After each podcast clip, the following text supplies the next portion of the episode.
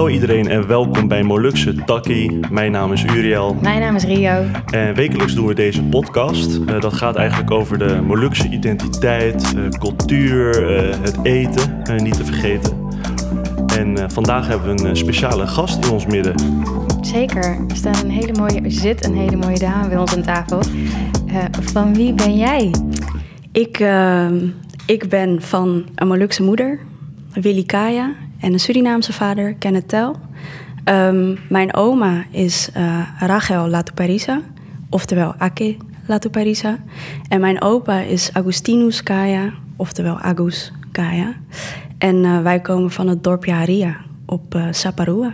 Kijk aan. En wat is jouw naam? Mijn naam is Anjanita Kaya. Welkom, Anjanita. Dankjewel. Thanks for having me. Het kan zijn dat mensen jou uh, onder een andere naam kennen. Klopt inderdaad. Safa Lyron. Klopt. Dat is je artiestennaam. Klopt inderdaad, ja. Uh, vandaag zit je hier als jezelf aan tafel, dus we noemen je Anjanita. Yes, yes. Je hebt al eventjes mogen voorstellen wie je bent, van wie jij bent. Uh, kan je iets meer over jezelf vertellen, Ras? Hoe oud je bent? Zeker, zeker, zeker. Um, ja, nou, Anjanita Kaya dus. Ik ben 25 jaar. Um, woon in Rotterdam al mijn hele leven, geboren en getogen. Uh, ben er super gelukkig. En ja, ik maak muziek, ik schrijf nummers, ik zing nummers, um, ik bespeel instrumenten, ik produceer. Um, dat doe ik voor mezelf. Uh, en sinds de laatste, nou wat zal het zijn, acht maanden ook voor anderen. Ik heb mijn eigen studiootje in Rotterdam.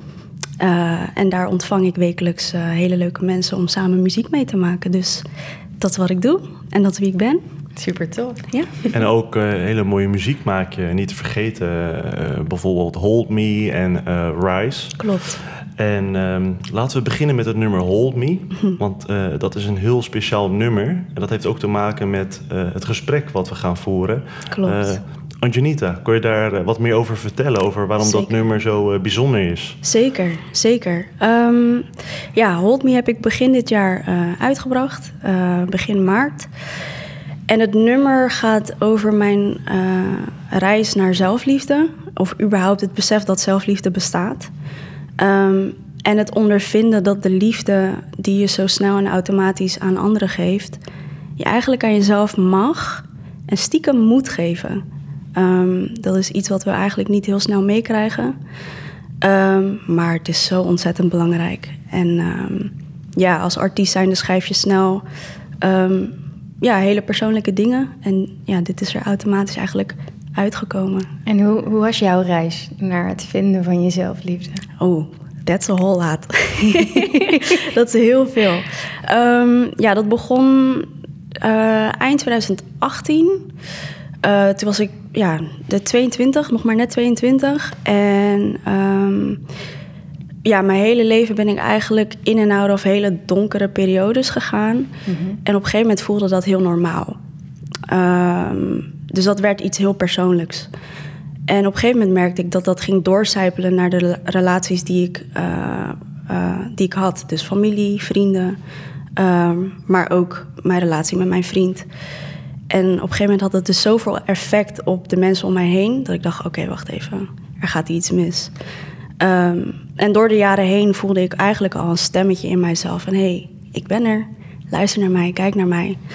Maar het is één, heel confronterend... en twee, heel comfortabel om... Uh, te blijven waar je bent. Exactly, precies. Um, dus op een gegeven moment toen dat um, ja, effect had op mijn buitenwereld... dacht ik, oké, okay, nee, wacht dit gaat nu een stukje te ver, want ik verlies hele mooie dingen. Um, en toen ben ik eigenlijk gewoon in het diepe gaan springen en research gaan doen. Kijken waar bepaalde gedachtegangen vandaan komen. Um, waar mijn re reacties vandaan komen. Waarom reageer ik zoals dat ik doe. Uh, waarom denk ik wat ik denk.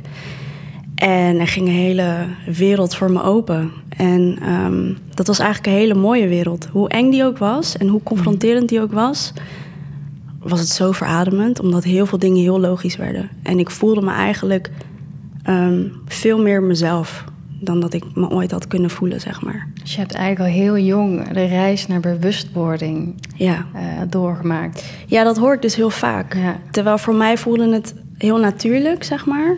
Um, maar het moment dat ik hier gesprekken over heb, krijg ik dus heel vaak te horen zo. Dat, dat heb je heel jong gedaan. Dus ik denk dat ik um, ja, daar heel dankbaar voor mag zijn dat dat op die leeftijd zo tot mij is gekomen, zeg maar. En, Ja. en wat voor invloed eh, heeft die Molukse cultuur of die Molukse achtergrond eh, daarop eh, eigenlijk, als ik mag vragen? Ehm, kijk, ik kan niet spreken voor elk Moluks gezin. Ehm, maar van wat ik weet vanuit mijn eigen omgeving, dus binnen mijn directe gezin, maar ook mijn familie, zie ik dat praten over ehm, gevoelens en emotie was iets wat we eigenlijk nooit deden. Tuurlijk vraag je aan elkaar hoe gaat het? En dan zeg je altijd ja goed. Maar het ging nooit dieper dan dat. Ehm, dat werd eigenlijk altijd ja, van de tafel geschoven.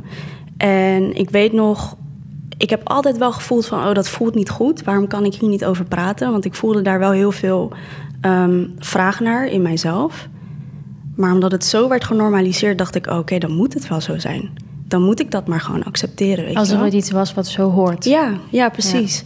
Nou ja, op een gegeven moment ehm, eh, ging ik naar de theater HAVO-VWO. En daar heb je natuurlijk heel veel te maken met emoties. Want je moet met jezelf in, eh, in lijn staan met je emoties om te kunnen spelen, om te Om kunnen zingen. expressie te kunnen Precies. letterlijk. hè? Nou, toen werd ik daarmee geconfronteerd.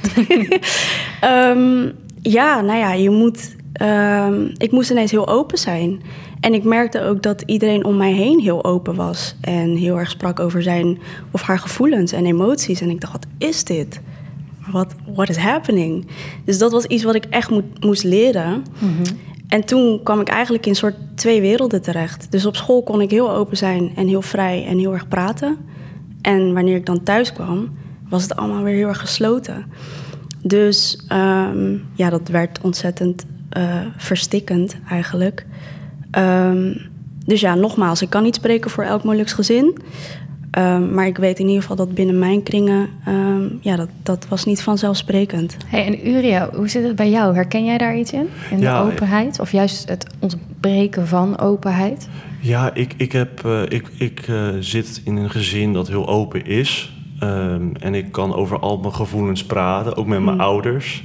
S- Wat eh, fijn. ze vinden het ook eh, niet erg als ik praat over mijn dates of zo. Hmm. Eh, mijn vader vraagt dan altijd vaak van, ja, hoe heet ze eigenlijk? Hmm. En dat doet hij puur uit interesse, maar ook om die desbetreffende persoon op Facebook op te zoeken. Dan heeft hij ook een beetje een beeld van hoe zij eruit ziet. Dus ik probeer nooit een naam weg te geven. Dus, ehm, maar als we het hebben over, over je emoties te praten. ik heb ja, dit jaar ook een burn-out gehad. Eh, in Ja. een periode van april tot en met juni. Dat was super zwaar. Eh, en wat vooral zwaar was, was om eh, aan alle mensen om je heen te vertellen, ook opdrachtgevers, van wat de situatie was. Ja. Anders hou je natuurlijk jezelf voor de gek door niks te vertellen. En tijdens die periode, wat voor mij heeft geholpen, is heel veel te praten. Ook eh, mensen buiten je kring om. En eh, wat ook heeft geholpen is voornamelijk eh acupunctuur en fysiotherapie. En, en, eh, Het zat ik- vast in je lijf, letterlijk. ja, Juist. inderdaad. Mijn nek stond helemaal vast. Ik kon op een gegeven moment ook niet bestek vasthouden. Ik begon dat te trillen met mijn handen en zo, als een, een rietje. Dus dat, dat was ook heel, heel gek. En dat zijn bepaalde signalen die je niet moet negeren. Eh, dat zijn lichamelijke signalen. Soms ben je mentaal heel erg sterk en denk je van... weet je, ik ga wel over mijn grens heen, komt wel goed. Hè? Ook zo'n uitspraak, het komt wel goed. Eh, maar uiteindelijk eh, kwam het helemaal niet goed en ging het super slecht met mij. En heb ik gewoon manieren gevonden, zoals acupunctuur en fysio... dat ervoor heeft gezorgd dat ik eruit kwam. Maar ik snap ook dat eens voor... je zit in een situatie of in een familie die heel gesloten is... En eh, niemand om je heen eh, weet wat er met jou aan de hand is. En je gaat ook niet vragen of zoeken naar hulp. Ja, dan is het echt een neerwaartse spiraal waar je in gaat zitten. Dus eh, ik vind het heel belangrijk, vooral voor, voor mensen die ook nu luisteren. En die dan het gevoel hebben van hé, hey, ik herken mezelf hierin. Ja, zoek gewoon hulp. Kijk naar de mensen om je heen die je misschien kunnen helpen. Of ehm, ja, ja, vraag gewoon eh, in omgeving van... hey, eh, is er misschien binnen de Molukse gemeenschap een, een, een maatschappelijk eh, werkster... eh, of is er iemand anders die je kan helpen of adviseren? Eh, wees niet bang. Vraag, vraag gewoon om hulp. Ja, en dat is vaak de drempel, ja. Omdat het voelt als iets wat dus niet hoort. Klopt. Of waar, je- waar je normaal niet over praat. Dus je leert niet om, om dat wel te doen. Mm. Ik kom zelf ook uit een heel open gezin, maar ook ik heb een burn-out gehad op mijn 28ste en ben onwijs tegen de lam- lamp gelopen. En eh, ik kan wel zeggen dat mijn Molukse roots daar wel een onderdeel van waren. Want mijn moeder is heel spraakzaam. Mm, ja, Maar mijn Molukse vader, die weet niet zo goed vaak hoe hij zich kan Dat- uiten in precies. taal. Want dat heeft hij niet geleerd. dat is het. Dat is dus hij kan het ook moeilijk overbrengen op mij. Het is eerder dat, dat ik nu andersom Mhm. die wereld en die Ja. muur openbreek... Dan, eh, dan dat ik dat van hem heb geleerd. En dat is oké, want dit is mijn leerwerk. Precies, En hij leert weer daardoor, denk ik, een beetje Dat. van mij. 100 procent. Dus dat, eh, dat is heel eh, een mooie dynamiek. Ik ben blij dat ik hem dat hopelijk een beetje kan geven. Zeker. En, en wat ook heel mooi is, is dat, eh, eh, want Angelita, eh, op de momenten dat je natuurlijk eh, thuis bent en, en die communicatie niet hebt, Mm. Eh, om je heen zie je allemaal instrumenten natuurlijk, eh, want, want je komt uit een hele muzikale familie. Klopt. Probeer dan door middel van muziek eh, je gevoelens dan te communiceren? Zeker, zeker. Ja, nee, muziek is altijd wel mijn uitweg geweest. Eh, inderdaad, op momenten dat je dus niemand in jouw directe omgeving hebt ehm, om mee te praten, dan is dat, dat was een hele verademing voor mij. Ja, zeker. Echt een uitlaatklep. Zeker, ja, zeker. Ehm, dus ja, ik zie het zeker niet als een curse. Eh, en precies ook wat jij zegt, je kan elkaar aansteken met hele mooie dingen ook. En dat zie ik gebeuren in mijn eh, ehm, gezin nu. Ehm, nou, dat ik dan de afgelopen twee à drie jaar zo intensief hiermee bezig ben geweest, zie ik dus dat binnen mijn gezin de hele dynamiek verandert. En dat ik eigenlijk heel stiekem eh, een beetje deuren aan het opentrappen ben. Ehm, waardoor we nu wel kunnen communiceren en ik hele mooie open gesprekken kan hebben ehm, met mijn gezin over wat ik voel en wat zij voelen. En ehm, ja, hoe gek het misschien ook klinkt, denk ik dat ik een klein beetje voor deze purpose ook hier ben. Om niet alleen mezelf te helen, maar bijvoorbeeld ook mijn moeder. eh, even als voorbeeld. Want ik zie het gewoon gebeuren, zeg maar. Ja. Ja. ja, bijzonder is dat. Ja. Heel mooi. Ik eh, voel dat ook soms eh, bij mezelf. En ik denk dat iedereen dat wel eens herkent. Dat je ineens een heel diep gesprek met iemand kan hebben en ergens op uitkomt. En denkt, hé, hey, ik raak nu de kern. Juist. De kern van een, een trauma of van een eh, gedachtepatroon waar Mm. iemand in vastzit. Waar Juist. je dan heel lang niet bewust van bent of geen weg in hebt gevonden hoe je Klopt. eruit komt. Eh, kan jij daar, het is misschien een hele persoonlijke Mm. vraag, eh, een goed voorbeeld van geven? Ehm, zou je de vraag nog een keer kunnen herhalen? Of je een voorbeeld hebt van een patroon wat je zelf bent tegengekomen. Juist. Ehm, ja, zeker. Ehm, waar ik heel erg last van had, waren hele negatieve gedachten. Het is een heel negatief zelfbeeld. Nou ja, goed, dat kan je heel ver terugtrekken. eh, want dat komt natuurlijk niet uit het niets. Nee. Ehm, maar dat was een hele kinderlijke manier van denken. En eh, het moment dat jij een kind niets uitlegt, dan zal een kind heel snel eh, dat naar zichzelf toetrekken. Ah ja, dat is mijn schuld. Ah, dat heb ik gedaan. Dat komt, dat moet door mij komen. Ehm, en dat is bij mij een beetje blijven vasthouden. Ehm, waardoor ik dus vanaf kinds af aan tot, nou ja, twee, drie jaar geleden eh, alleen maar zulke gedachten had. Ehm, en dat was heel lastig om te doorbreken, omdat ik zie mijn hersenen altijd als een soort computertje. Ja. En je moet dingen wissen. Dat zijn gewoon virussen die eruit moeten, zeg maar. En daar moet je soms kaart voor werken, toch? Ja. Ehm, en opnieuw ehm, installeren, zeg maar. ja, of het is een verouderd programma. Ja? Precies. Als je. Word hebt uit eh, 2000, Juist. is heel lastig Precies. deze dagen. Precies. Of de overgang van een Microsoft naar een Apple, zeg maar. Dat Ja. is ook wennen. Het is even uitvogelen, hoe werkt dit? Hoe werkt Mhm. dit, weet je wel? Dus ehm, ja, dat, dat was een patroon die ik echt heb, heb moeten doorbreken. En tuurlijk, af en toe slipt het er doorheen. Maar het mooie van helen is... ehm, niet dat de problemen ineens weg zijn. Because Nee. life happens still. Ehm, maar het is de manier hoe je ermee omgaat. En vooral hoe je voor jezelf zorgt. Ehm, en dat gaat nu heel anders. Ja. Mooi hoor. Hm. Ik ben dus afgelopen week begonnen aan een nieuwe studie. Oké. Vertel. Vertel, ik uh, word als het goed is over vier jaar uh, psychodynamisch therapeut. Heel tof. Ja, heel bijzonder. Oh, wauw. Uh, wat houdt het eigenlijk in? Wat houdt het in? hm. ja, het is een vrij holistische manier om naar een psychoanalyse te kijken. Maar dynamisch, dus vanuit verschillende standpunten. Dus ik zal niet iemand gaan behandelen en daar maar één theorie op loslaten, hm. maar meerdere ik geloof daarin, omdat ik denk dat iedereen anders is en dus andere stukjes nodig heeft om bijvoorbeeld te helen of verder te komen. Uh, in deze therapie zit ook coaching.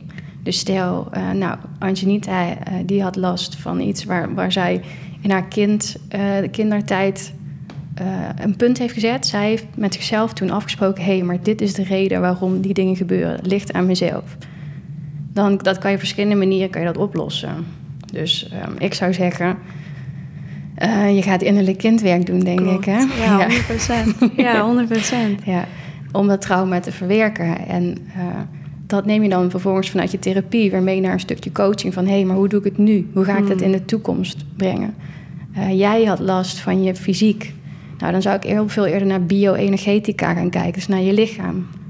Is je ademhaling goed? Hmm. Zit het in je lijf vast? En wat zegt dat? Want je hebt pijn in je nek.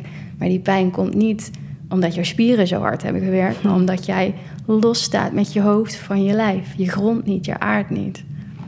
Dat is een beetje wat psychodynamica doet. Ik vind het ook wel heel tof dat jij heel graag over dit onderwerp vandaag wilde praten. Want uiterlijk vandaag is het World Mental Health Day. Nee, dat meen je niet. Ja, dat is zo. Wauw, toeval bestaat niet. is bijzonder, hè? Wow, sick. Ja, ja, heel mooi. Heel mooi. Wauw. Ja, het is heel apart. Want uh, een maand geleden heb ik dus ook met hè, de artiesten waar ik mee werk, Busy, uh, een nieuw uh, ambassadeurschap hebben wij. Um, Mooi. Zijn we toegetreden. Hij natuurlijk in het bijzonder. Ik noem het wij omdat we altijd in een team werken. En hij is dus, hij heeft gisteren gepresenteerd dat hij ambassadeur is van Stichting Mind. Oh, wauw. Oh, wow. Dus mijn weken staan al best wel in teken van dit. En oh, bijzonder. Toen vertelde Uriel dat je hier heel graag over wilde vertellen naast je allemaal samen, soort van, hè? Ja. Toeval bestaat niet. Ja, 100 procent. 100 procent. En het mooie is ook toen uh, ik uh, Angelita had gevraagd... Um, uh, althans, zij bood het eerder aan hmm. dan dat ik het had gevraagd. Toen was het onderwerp ook heel snel duidelijk. Hmm toen dacht ik ook bij mezelf van oké, laten we het gelijk maar doen. ik, ik, als je niet weet hoe ik ben, uh, als ik iets zeg, dan doe ik het ook gelijk. Klopt. Dan, uh, dan uh, lul ik er niet omheen, op zijn Rotterdams gezegd. kom ik gelijk in actie. Um, wat ik me ook afvroeg, uh, Janita, is dat um, ja, dat nummer Hold Me en, en, Rise, dat zijn hele mooie nummers, maar ook de beelden uh, zijn hm. super sterk. Uh, als je luistert, je hebt die beelden niet gezien, uh, bekijk het gelijk op YouTube. Um, wat ik ook zo mooi vond aan Hold Me, is dat in heel die clip is er een shot. Dat is wel best een heel persoonlijke shot. Is dat je eigenlijk, ja, hoe kan ik het omschrijven, aan het gillen bent. Mm. Uh, en toen, voor mij viel op dat moment ook gelijk het kwartje. Uh, waar het uh, nummer over ging. Mm. Over die onderdrukte mm. pijn en, en, en, en, trauma, als ik het mag zeggen. Zeker. Um, en als je dan het, de clip vergelijkt, ook met de clip Rise, mm. zie je wel een soort bepaalde lijn, een soort bepaalde continuïteit. Juist. Um, op het moment als je dan zo'n clip maakt, hè, dus jouw nummers visualiseert probeer dan ook heel gelaagd uh, te denken van hé, hey, uh, hoe, hoe, bouw ik het op? Want ik zie mhm. ook, ook vaak dat je het mede hebt geregisseerd, hè? Mm. niet te vergeten. Klopt. Klopt. Uh, kon je daar wat meer over vertellen, over dat proces? Zeker, zeker. Um, voor Hold Me was het een stuk vrijer. Um, daar had ik tijdens het creëren van de track eigenlijk nog geen visueel beeld van. Als het gaat om Rise, tijdens het creëren van de track um, het alsof ik mijn oma de hele tijd bij mij had. En die track gaat eigenlijk first and foremost over, again, gewoon mezelf en de reis die ik maak. Um, en in die track beschrijf ik, weet je, vanuit elk diepdal, from here I'll rise. En dat is eigenlijk een soort van de cyclus, de cyclus van het leven. Je gaat eigenlijk heel de tijd zo. En als je hier zit, dan vergeet je eigenlijk dat het altijd weer die kant op gaat. Dus net zoals dat Hold Me een reminder is voor zelfliefde, is Rise een reminder voor hey, we still got this. Um, dus tijdens het schrijven van die track voelde ik mijn oma de hele tijd bij me en zag ik ook bepaalde beelden. Ehm, dat zij dus in een heel vlak Nederlands landschap stond in haar kain en kabaya. Ehm, dus ja, voor Rise was het heel duidelijk. En wist ik direct, oké, dit is het verhaal wat ik moet vertellen. Dus het was heel gestroomlijnd. Dit is mijn eigen verhaal. Wat ook andere mensen kan inspireren, zeg maar, uh, qua message. Maar volgens mij moet ik dit wat ik binnenkrijg ook vertellen. Um, dus het was heel systemisch eigenlijk. Klopt. Hè, een van de vrouwen die achter je staat. Juist. Die haar verhaal vertelde naast dat van jou. Exactly. Over haar, diep, haar dal en hoe ze daar weer uit is gekomen. Juist. En, juist. jouw cyclus erin. Precies. En in, uh, om de boodschap wat breder te trekken... Um, om voor de, voor de Molukse gemeenschap het besef te hebben... dat het tijd is om te reizen, eigenlijk. Um, en het grappige is, want deze track heb ik eigenlijk al lang al af. Deze had ik misschien twee jaar geleden al geschreven. En aan het begin van 2021 hadden we natuurlijk Clubhouse. En toen voelde ja. ik dat reizen voelde ik heel erg. Um, dus het, valt, ja, het is alsof alles op zijn plek valt. En dat ik deze boodschap mag um, geven om bij te dragen aan het grote goed wat nu allemaal gaande is, zeg maar. Um, dus ja, dat. Ja. ja, mooi gezegd. En het is, het is ook heel raar hoe alles uh, zo samenvalt. Hè? Mm -hmm. uh, ik bedoel, uh, we hebben ook samengewerkt aan een campagne Klopt. voor het Landelijk Molux Monument. Klopt. daar heb je en een stukje voice-over ingesproken en speel je erin. En, en, niet te vergeten heb je ook deels de muziek mede gecomponeerd. Ja, hè? klopt, met, met Ashraf Bessi. Ja, klopt. En uh, het is heel gek hoe, hoe die wegen zo zouden, ja, hoe, hoe die zouden kruisen. Klopt. Alsof je een beetje van een soort hogere uh, uh, macht of, of door de voorouders geleid zou worden. 100%. En, en, zeker als je me nu vertelt dat dat nummer Rise al een paar jaar oud is. Klopt, ja. Dat, ja, dat is echt heel bijzonder om te horen. Zeker, zeker. Um, en dan mooi om dan even uit te zoomen en te kijken hoe het allemaal gewoon heel netjes naast elkaar staat. Naast iedereen's project, zeg maar. Mhm. Mm -hmm. En dat dat allemaal bijdraagt aan het groter goed. Uh, ja, dat. En het loopt ook uh, met elkaar over. Dat is ook heel gek. Ja. Dat uh, bijvoorbeeld met dat fotoproject hè, mm. van Elisa Veerman, Jonik Vreeswijk en ik. voor, van Molukken Legacies, dat je bent gefotografeerd. Mm -hmm.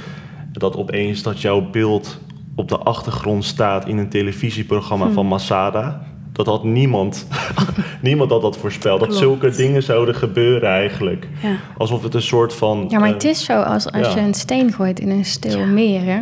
Ja, Als je, je je wilde natuurlijk laten kaatsen op het Mm. water. En als die tikt, dan tikt die, gaat hij steeds een stap verder. En de kring wordt steeds groter. Dat. Dus het wordt een soort sneeuwbaleffect. Er is iets in gang gezet. En Mm. we hadden het daar de vorige podcast ook al over. Dat er zo...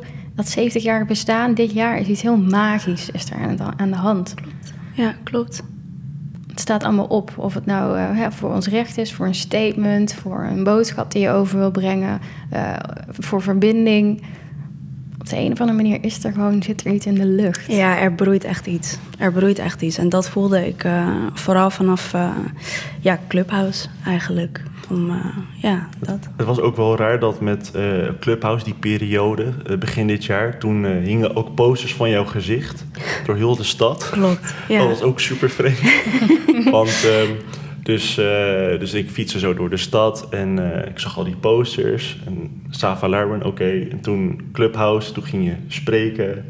Toen was het al helemaal mindblowing. Oké, okay, hoe, hoe kan dat nou dat ik elke keer als ik van kantoor naar huis fiets... dat ik jouw gezicht overal zie? dat ik het ook niet kan vermijden of zo. Het was al een introductie dat wij met elkaar zouden samenwerken. Ja, precies, precies. Ja. En, uh, maar ook, ja, ook heel bijzonder hoe dat zo is uh, Zeker. gelopen. Zeker. Uh, en ook natuurlijk de, de projecten waar je mee bezig bent. Ik mm. weet niet, kon je wat vertellen over toekomstige projecten? Of, of, wat ga je doen qua muziek? Ja. Um, Komt er een album? Even kijken. Ja, we zijn nu bezig in ieder geval met de afronding van dit project. Dus ik heb nu twee singles achter de rug. Uh, Hold Me and Rise. Um, en op 22 oktober komt mijn volgende single uit. En staat eigenlijk allemaal in lijn met uh, waar ik hiervoor over heb gezongen en geschreven. Um, dus dit project gaat echt heel erg over nou ja, zelfliefde. Um, het gebruiken van muziek als affirmaties. Of je dat nou bewust of onbewust voelt, naar luistert. Um, ik geloof daar heel erg in dat alles wat jij ziet en hoort krijg je toch binnen. Mhm. Uh, dus ik hoop op die manier of die nou direct aankomt of niet, dat die ooit aankomt. Um, dus dat geldt ook voor de volgende track. Um, en niet lang daarna komt de laatste track uit voor dit jaar. En dan is het even een afsluiting van dit project. En dan, uh, daarbij ga ik het even laten. Ja, en, ook, echt, ja. ook, ook, bijzonder dat je dat ook zelfstandig doet, hè? Independent. Ja, en, en dat ik nu al hoor dat, er, dat zij al een marketingplan heeft, een strategie uitgedacht. Ja. Dat is zo tof. en ook bijzonder. Best. Ik doe mijn best, inderdaad. Ja, ja, ja. ja. Ik, um, ja, op eigen houd je natuurlijk niet helemaal alleen. Ik heb gelukkig hele mooie, creatieve, slimme mensen om me heen. Uh, ja, een klein team eigenlijk, om het even zo te, te kunnen zeggen.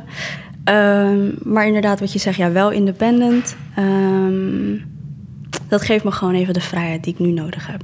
Dus uh, ja, vandaar. En het geeft je ook veel rust, lijkt mij. Klopt, ja, 100 procent. Um, ja, ik doe dit natuurlijk al iets langer. Dus ik weet al uh, in bepaalde opzichten hoe ja, de muziekindustrie in elkaar steekt. Weet je natuurlijk ook heel veel van. Ja, een beetje. beetje maar, een klein beetje. um, ja, en ik was er best wel jong ingerold. Um, en iedereen probeert wel iets te zeggen over waar je mee bezig bent. Terwijl ik van het begin al heel goed wist wat het moest zijn.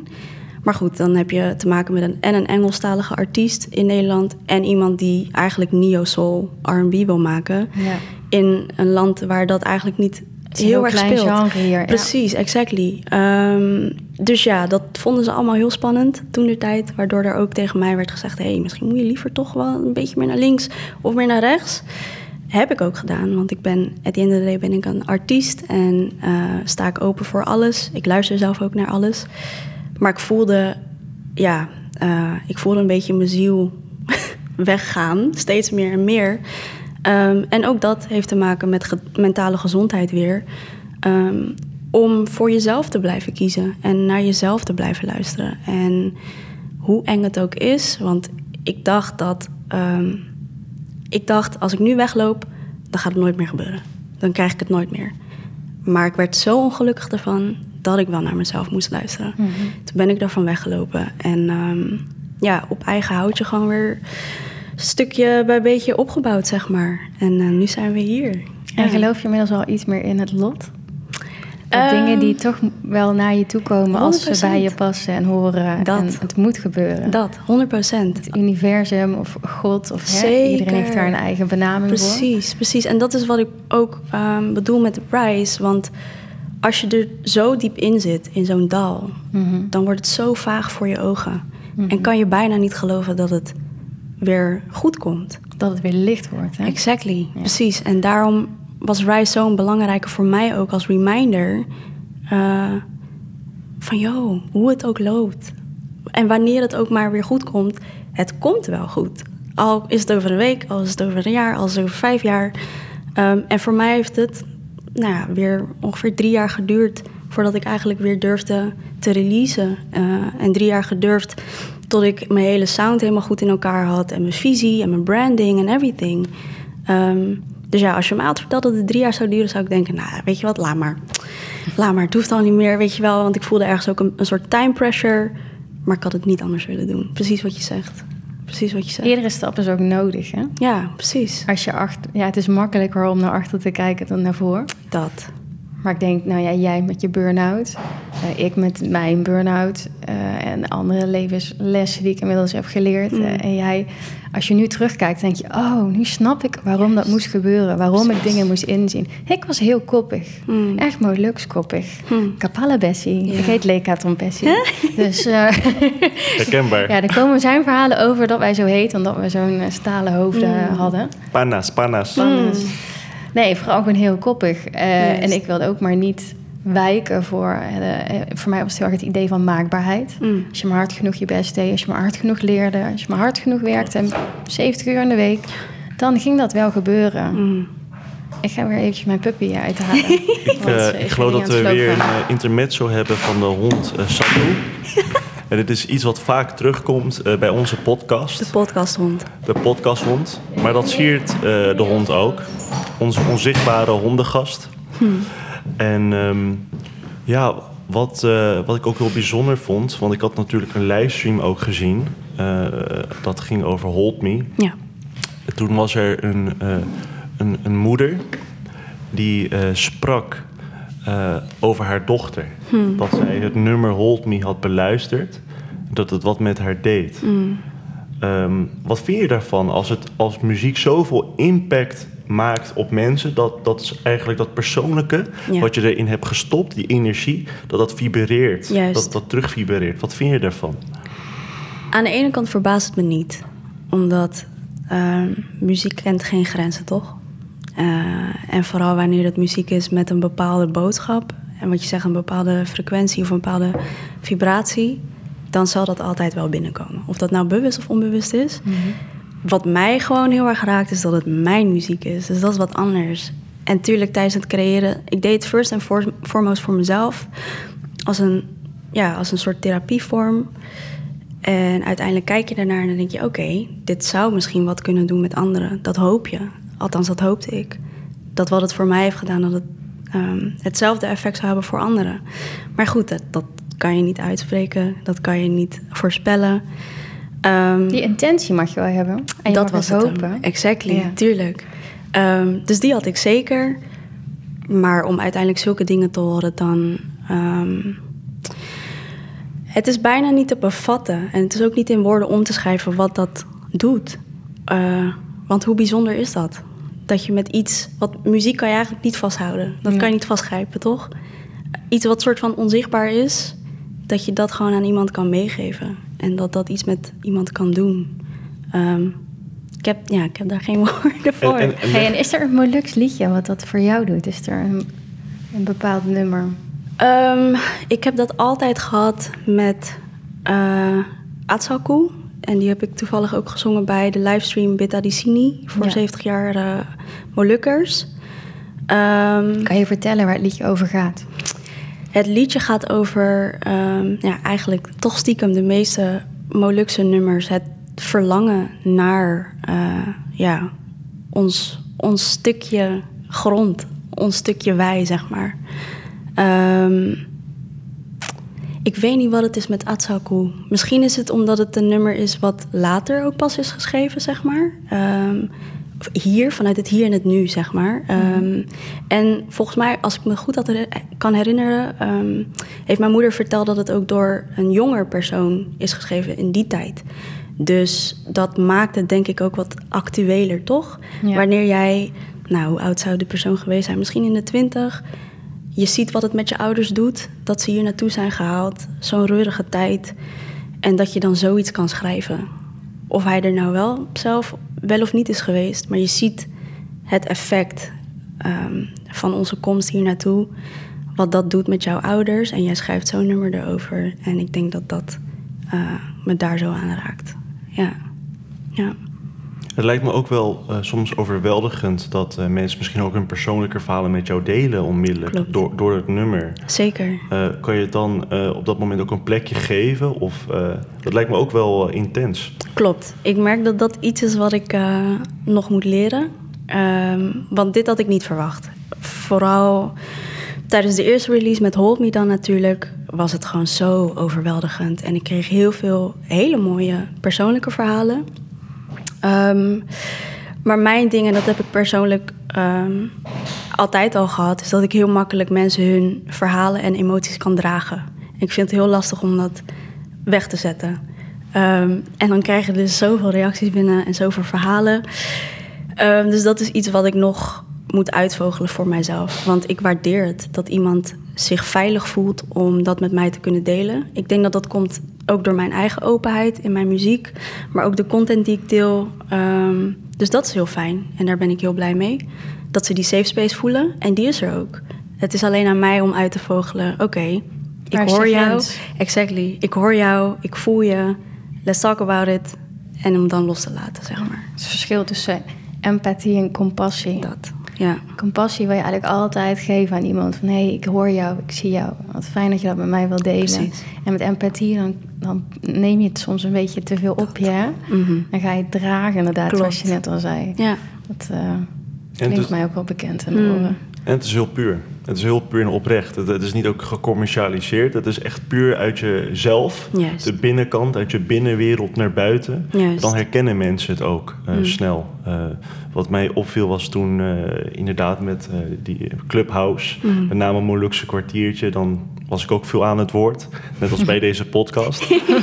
en, en toen mer- dan merk je wel als je inderdaad je gevoel uitspreekt, dat mensen het ook gaan delen. En ook eh, persoonlijk met je in gesprek willen gaan, ook video bellen. Ja. En eh, ik sta daar helemaal voor open en Hmm. dat, dat is helemaal geen probleem. Maar het is wel altijd wel toch een bepaalde proces om dat allemaal te verwerken. Klopt. Omdat mensen dat allemaal projecteren op jou Ja. als persoon. En, Juist. En dan probeer je het ook een plekje te geven. En daarom is deze podcast ook zo bijzonder. Hmm. Dat we zulke onderwerpen bespreken. Maar dat we ook niet eh, in het gesprek van de podcast bijvoorbeeld eh, dingen verknippen of zo. Nee. Dat het gewoon een momentopname is. Ja, we nemen het gesprek altijd gewoon van A tot Z op. Voor de mensen die niet de filmpjes hebben gekeken, maar wel de, de podcast hebben geluisterd. Eh, wij knippen nergens in. Dit is gewoon een, eh, een eh, hoor en wederhoor. Precies. En, eh, en zoals je misschien kan zien in het beeld, wij zijn ook hier geknipt voor, hè, voor deze Molukse takkie, voor het beeld. Eh, dus, eh, dus als je inderdaad eh, met het geluid nu aan het luisteren bent, volg even de Instagram Molukse takkie. Dan heb je een beetje een beeld van hoe Dan kan deze je ons een mensen... keertje zien, ja. Precies. Dan kan je een keer naar ons kijken. Ik weet dat je nu misschien het in de auto aan het luisteren bent of door je oortjes. Eh, maar eh, de Instagram is ook wel eh, belangrijk als je die eventjes in de gaten wil houden, volgen eh, natuurlijk. Ja, ik. ehm, Ik heb nog wel wat Molukse vragen, want we hebben ook altijd een Ja, lijstje precies. met vraagjes. Ja, inderdaad. Het is heel spannend. Ben je opgegroeid in een Molukse wijk? Eh, nee, nee. Eh, mijn moeder is als enige van haar broers en zussen buiten de wijk gaan wonen.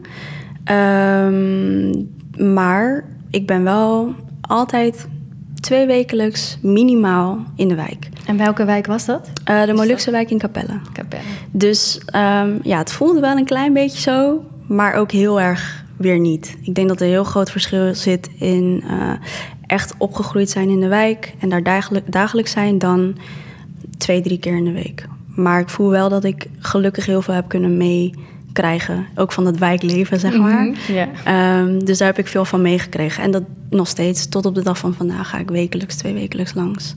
Ja, Leuk man. Ja. Gezellig. zeker, Overal. zeker. Ja, en ben je dan zeker. ook al eens naar de Molukken geweest? Helaas nog niet.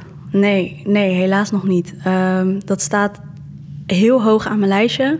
Het enige waar ik even aan moet werken is mijn vliegangst. ja. Want dat vind ik het spannendste. Dat is echt de enige drempel. ja, maar mijn vader heeft dus ook heel erg vliegangst. Ja, En elke keer dan zit hij echt zo helemaal vastgeklampt aan Mm. je stoel als opstijger. Maar hij doet het toch wel, want Ja. hij wilde zo graag heen. dat is het ding. Ja. It's worth it, toch? Ja. Het is het echt waard. Ja, kijk, naar Spanje vliegen voor twee uurtjes, no biggie. Maar dit zijn uren. dit zijn heel uren. lang, ja.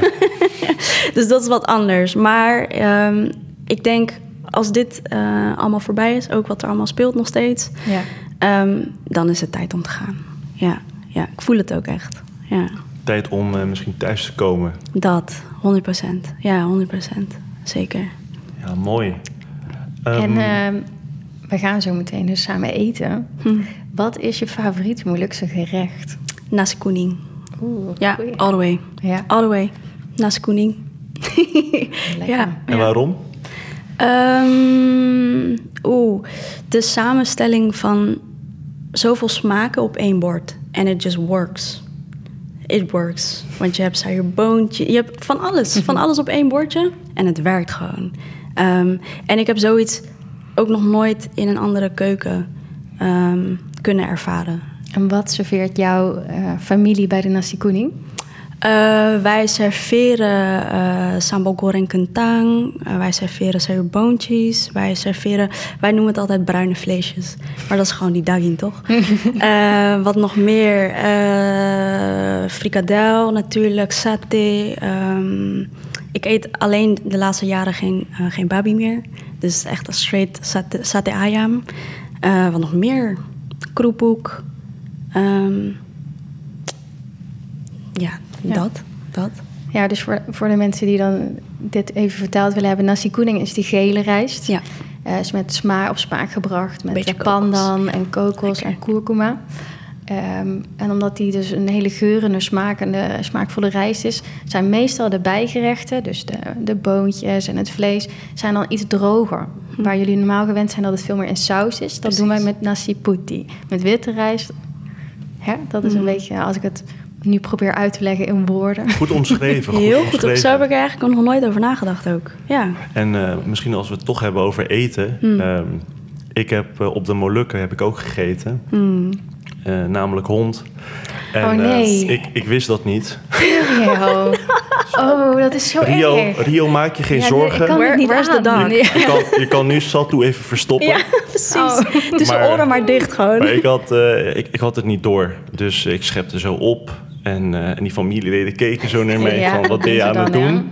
Dan, dan zit je dan op een stoel en dan ben je ook aan dat het ze eten. niks zeggen toch? En het was Nee, heel nee. pedies zeker, hè? Ze Ja, maken het heel pedies. En- en dan- RW noemen ze het, hè? RW, RW, ja. Ja. En, dan, en dan wachten ze ook, zeg maar, totdat ik een hapje neem. Ja, dat doen ze. En het gemene eten is, wij op. zeggen in het Moluks, Maleis, Indonesisch, is het eigenlijk anjing. Maar daar zeggen ja. RW. Dus je denkt, ik eet niet anjing. Inderdaad. Toch? Dus eh, ik, eh, na mijn eerste hap eh, keken ze me zo aan. En toen zo duimpje omhoog. En ik zo weer terug. Toen vroeg ik aan mijn tante, waarom zijn ze zo blij dat ik een hapje aan het nemen ben? Ja, eh, het eten, hè, dat, eh, dat blaft niet meer. En toen eh, dacht ik van, oké, dat, eh, ik, ik, ik, ik, ik eet mijn bordje maar leeg. Ik wil, ik wil geen boze mensen hebben. Ook Dus, uit beleefdheid ja, inderdaad. toch? precies, ja, ja, ja. precies. Dan weet ik dat ik daar in ieder geval op moet letten. Inderdaad, Because I'm not trying to eat dogs. Hele grote tip. Ja. Moluks weetje. Dit is het Molukse weetje, denk ik, gelijk van deze podcast. Want normaal vragen we dat. Is Ja. er een Moluks weetje? RW is RW anjing. RW. Ja. Is hond. The moment you hear RW, Ja. get out. Ja, inderdaad. Run, Niet eten, run. niet eten, niet eten. Ja, ik, ben, ik ben wel een klein beetje eh, dierenactivist op ze gegaan over. Ja. Ja. ja, niet op een disrespectvolle manier, maar wel van heel duidelijk dat ik dat dus echt niet ging eten. Ja, en wat snap voor vorm Nee, ook dat snap voor ik. Snap ik.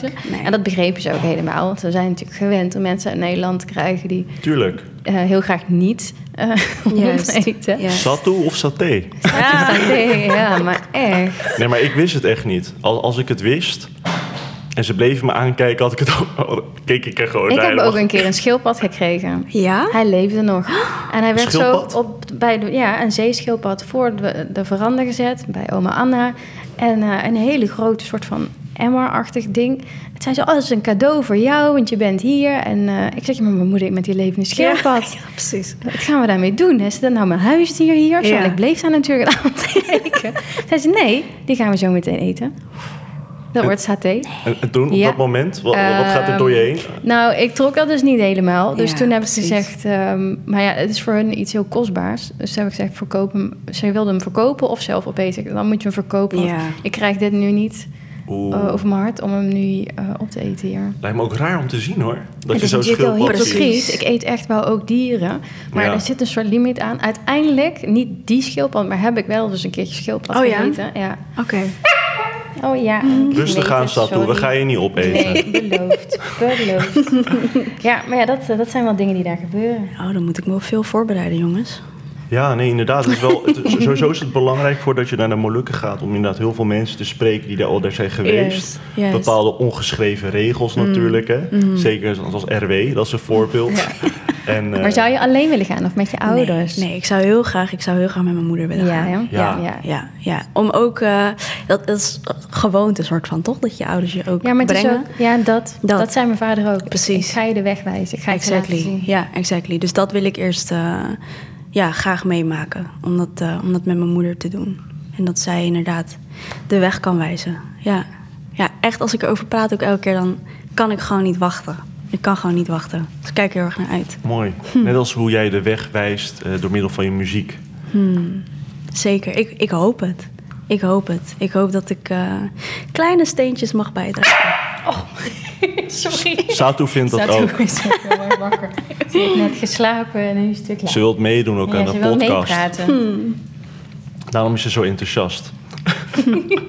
nee, super. Ja, ik, ik ben echt helemaal geïnspireerd door dit gesprek. Het is echt eh, mindblowing. Ik heb wel het gevoel dat ik even wat positieve energie, eh, vibes eh, hierdoor door krijg. En ook heel veel inspiratie, eh, natuurlijk. Ehm, ja, ik wil je gewoon bedanken. Ik, ik heb geen vragen meer. Eh, Rio, Nee, ik heb ook geen vragen. Ik, uh, ik hoop dat, uh, dat we ook een beetje mensen meer hebben kunnen helpen. En dat het... Uh... Ja, ik zou dus jullie wel wat willen vragen. Nou, dat mag hoor. Dat mag van Satu. Vooruit. In het kader ook van uh, mensen kunnen helpen. Um, zelfliefde, hoe ziet dat bij jullie eruit? In de praktijk? Groot of klein? Dat mag zo groot of klein mogelijk. Um, als ik dan naar mezelf mag kijken. Ik herhaal het mezelf even. Als ik naar mezelf mag kijken uh, met betrekking tot zelfliefde. Um, sinds kort is er een groep genaamd Maluku in Balans. Mm. Uh, dat is een groep uh, wat ik heb met Davine. Oh. en, en, en zij is een maatschappelijk werkster met een Molukse achtergrond. Juist. Daarvoor stel ik mijn kantoor beschikbaar. En dan hebben we een, een groepgesprek. Mm. Uh, en het is niet zo dat we van tevoren een onderwerp afstemmen. Maar dan hebben we het over hele persoonlijke verhalen Mhm. die we met elkaar delen in die ruimte. Mm. Uh, en dan is zelfliefde zeker een onderwerp wat we bespreken. Maar uh, het moment als we die gesprekken hebben uh, in een soort kringformatie en de dag is afgelopen en mensen gaan dan kantoor uit en dan ontstaat er een bepaalde frisse wind, frisse Mm. nieuwe energie, waarvan ik vind van hé, hey, die zelfliefde is er in de groep, maar ook bij mij, omdat ik dit mag faciliteren. Ja, precies. En, uh, en dat is mijn manier van een steentje bijdragen met betrekking tot zelfliefde voor mezelf, Mm. maar ook voor de mensen uit mijn gemeenschap. Juist. Maluku in balans, we blijven in balans. Mooi, heel mooi. Heel mooi. Ja, super gaaf. Heel mooi project vind ik dat. Zeker. Ja, bedankt. Ja, zelfliefde. Wat is zelfliefde voor mij? Um, voor mij is dat iets uh, heel intrinsieks. Ik heb dat heel erg moeten uh, leren om mezelf op één te zetten. Ja. Ik kreeg dat in het begin van mijn therapie niet mijn mond uit. Mm. Jezelf op één. Ja. Dat leek net alsof ik mezelf dan uh, dat ik iets heel slechts deed. Mm. Dat mocht niet. Yes. Je Ja. mocht, moest altijd eerst de ander, dan ik. Klopt. Dan ik. Denk Ja, je dat dat- het... oh, Sorry dat ik je onderbreek. Ja, denk denk je dat dat iets komt vanuit onze gemeenschap? Ja. Want dit hoor ik heel vaak. En wij hebben een, een nederige opstelling Juist. naar anderen. We zijn dienstbaar. En Mhm. eh, of dat nou komt vanuit een ehm, militaire achtergrond van hé, hey, we zijn dienstbaar aan het kneel. Of vanuit een oma die dienstbaar is aan haar gezin. Mhm. En eerst de andere eten geeft en dan pas als laatste Klopt. zelf opschept. Of helemaal niet opschept. Eh, ik denk dat dat van heel veel kanten eh, op die manier erin zit. Ja. Dat is wel iets waar ik tegenaan liep. Ik liep daar tegenaan. Ik liep aan tegen trots. Je hoofd omhoog houden. Niet laten Mm. blijken dat er wat mis was aan de binnenkant. Juist. Juist. Eh, en dat is denk ik ook wel iets wat ik heel erg in mijn Molukse roots heb teruggevonden. Dat, eh, dat daar zat. En hoe ik dat nu oplos. ehm, ja, ik heb er heel veel over gesproken. Met een hele fijne coach vooral. Aniek Boom. Eh, zit in Rotterdam. Oh, dope. Ja, daar heb ik echt wel heel veel puzzelstukjes van mezelf eh, eh, gevonden. Ehm, en dat jezelf op één leren zetten. Dus heel erg vaak, ik checkte nooit bij mezelf in. Van hoe is het met mijn energiestand? Want ik Mm. geef, ik geef, ik geef. Maar wat was er in dat batterijtje nog over Ja. voor mij? Precies. Dat, eh, dat was er niet. En dat vergat ik, want ik vond dat ook niet belangrijk. Het moest voor die ander leeg. Mm. En hoe ik zelf opladen, ja, Zie je wel. ja, dus ik heb heel erg geleerd om mezelf op te laden met dingen eh, waar ik dus weer energie van krijg. En dat kunnen ook Mm. hele rustige dingen zijn. Eh, dat kan yoga zijn. Klopt. Het kan een boek eh, lezen. Ik heb nou een hond, dus ik vind het buiten lopen heel erg lekker. En die hond heet Doe Dus zet jezelf altijd op nummer Yo, 1. ja. Of geef je huisdier Zij- een naam Wauw. als één of Satu. Ja, ja, zij is echt wel mijn daily reminder van... hey, Mooi. check eens even bij jezelf Ja, in. mooi. Mooi. Ehm, Dat is Want- ook weer een Molux weetje. Dat wist ik ook weer niet. nou, is een beetje een Rio, weet je, niet per se een moeilijk weet je. Maar eh, ja, nee, dat is zeker zo. Ik geloof, ja, iedereen heeft daar wat anders in. Jij zal muziek maken om jezelf op te laden. Nou, eigenlijk dus niet. Dus eigenlijk is het niet. Nee, ja, dat kan. Nee, ja. eigenlijk dus niet. Nee, Wat doe jij ehm, om jezelf eh, ehm, je batterij weer op 100 te krijgen? Ja, muziek maken is dus meer dat ik mezelf kan identificeren, eh, onderzoeken. eh, dus dat is best wel intens. Eh, om op te laden, eh, yoga, mediteren, ehm, tekenen, ehm, gamen. Ik zoek het ook heel erg in hele kinderlijke dingen. Ik merk dat ik daar heel, heel levendig van word. en Heel veel Spelen. leven van krijg. Ja, precies. Ja. Dus als ik bijvoorbeeld in de wijk ben, ehm Voetballen. voetballen met mijn neefjes. ja, precies. Echt buiten spelen. Ja, ik, ik ik probeer heel veel kinderlijke dingen te doen. Want ik merk dat ik dan heel erg leven voel. Ehm, en dat is wat ik nodig heb. Ja, dat is grappig, hè? want dat is vaak waar je toch weer op terugkijkt. Klopt. Uh, ik heb ook een stukje innerlijk kindwerk gedaan. En daarin, ik had vroeger ook al een hond als kleinkind. Mm. En met haar de bossen ingaan en Juist. spelen en stukken lopen. Dat. Uh, dat was heel erg wat er in mijn uh, hypnoses naar boven kwam. Juist. Wat ik zelf visualiseerde. Juist. Dus dat ik dat nu weer heb en dat kan, is dat echt voor mij... Dat is mijn stukje kind zijn ook Ja, weer. ja. En ik, uh, ik schrijf heel graag in boekjes. Ik heb een journal waar ik gewoon van alles in doe. Of dat nou gedichtjes zijn, want dat doe ik ook al van kleins af aan. Ik schreef vroeger songteksten. En ik, Ja. dat begon met het herschrijven. Zo heb ik ook heel vroeg Engels Oh, geleerd. Ja, ja, ja, ja, ja. Ken je Ja. dat nog? Dat je met een cd spelen. Ja, ik ben ietsje ouder. Wat is een Zo ging- cd-speler? Ja, cd spelen of een bandje. En dan ging je stoppen Nee, elke die heb keer. ik nog meegemaakt hoor. En terugluisteren Grappig. van, oh, wat, wat zei ze Ja, nou? En dan ging je ja, dat zelf opschrijven. Want je had nog niet A to Z lyrics, dat kan. Precies. Oh, wauw. Ja. Oh, dope. Maar dat zijn hele mooie dingen. Dat zijn hele mooie dingen. En zo belangrijk. Zo belangrijk. Het, het hoeft allemaal niet zo intens, toch? Nee, het Het hoeft allemaal niet zo heftig. Nee. Precies. En het zit heel vaak ehm, in hele mooie, kleine, speelse dingen. Dus eh, dat zou ik dan nog willen meegeven. Dat om voor jezelf te zorgen hoeft het niet ehm, gelijk je heel diep te zijn. Het kan ook heel luchtig, heel fijn en eh, heel speels. Ja. En, en eh, ja, dat, dat opschrijven is wel een mooi voorbeeld. Ik doe dat Mm. ook namelijk. Ja. ik, ik heb ook een soort aantekenboekje Mm. eh, waar ik allemaal ideeën in schrijf. Juist. En je merkt toch, eh, als we het hebben over je, je hand, je vingers, je arm en je hoofd, dat het wel een soort verlengstuk is ja. van je gevoel. En dat het anders is dan dat je gaat typen op je Oh, telefoon ja. in notities. Ja. Dat is toch wel een bepaalde manier van jezelf ook uiten. Zeker. Dus eh, probeer niet te veel je gevoelens via WhatsApp eh, te filteren. Schrijf het soms op, dan is het lekker voor jezelf. En eh, dan kun je het altijd lekker teruglezen en doorbladeren. Precies. En dat, dat is ook een kracht, een, een manier van jezelf te uiten. Zeker. Ik, ehm, ja, ik wil jullie eigenlijk allemaal bedanken voor jullie tijd. Voornamelijk. En eh, Anjanita, super bedankt. Eh, en eh, we kunnen je volgen op eh, Instagram. Klopt. Safa Laron. Yes. Precies. En, en niet te vergeten ook een SO naar René en Onnik voor de microfoons en spullen. Rio, hartstikke bedankt ook. Jij bedankt. Jullie allebei voor je openheid. Want het was natuurlijk best Jullie wel een ook. kwetsbaar gesprek. Eh, ik ben heel dankbaar. En Ik dat is denk ik het laatste wat ik nog zou mee willen geven. Ik schrijf iedere dag tien dingen op waar ik dankbaar voor Ja. ben. Ja. Dus voor de luisteraars, doe dat ook. Schrijf het op. Denk dat aan hoeft jezelf. allemaal niet. Je denkt, oh jezus, wat een gedoe. Heel veel aan huishouden, jezelf. waar begin je aan? Maar eh, alles mag en niks Precies. moet. Dat is het. Precies. En Dat als je in de problemen zit, eh, maak het bespreekbaar. Eh, met mensen om je heen. Maak het bespreekbaar. En weet dat je niet alleen bent en dat eh, Ja. niks gek is. Dat, vooral dat. Precies. Dank jullie wel. Terima kasih en eh, tot de volgende keer. Selamat.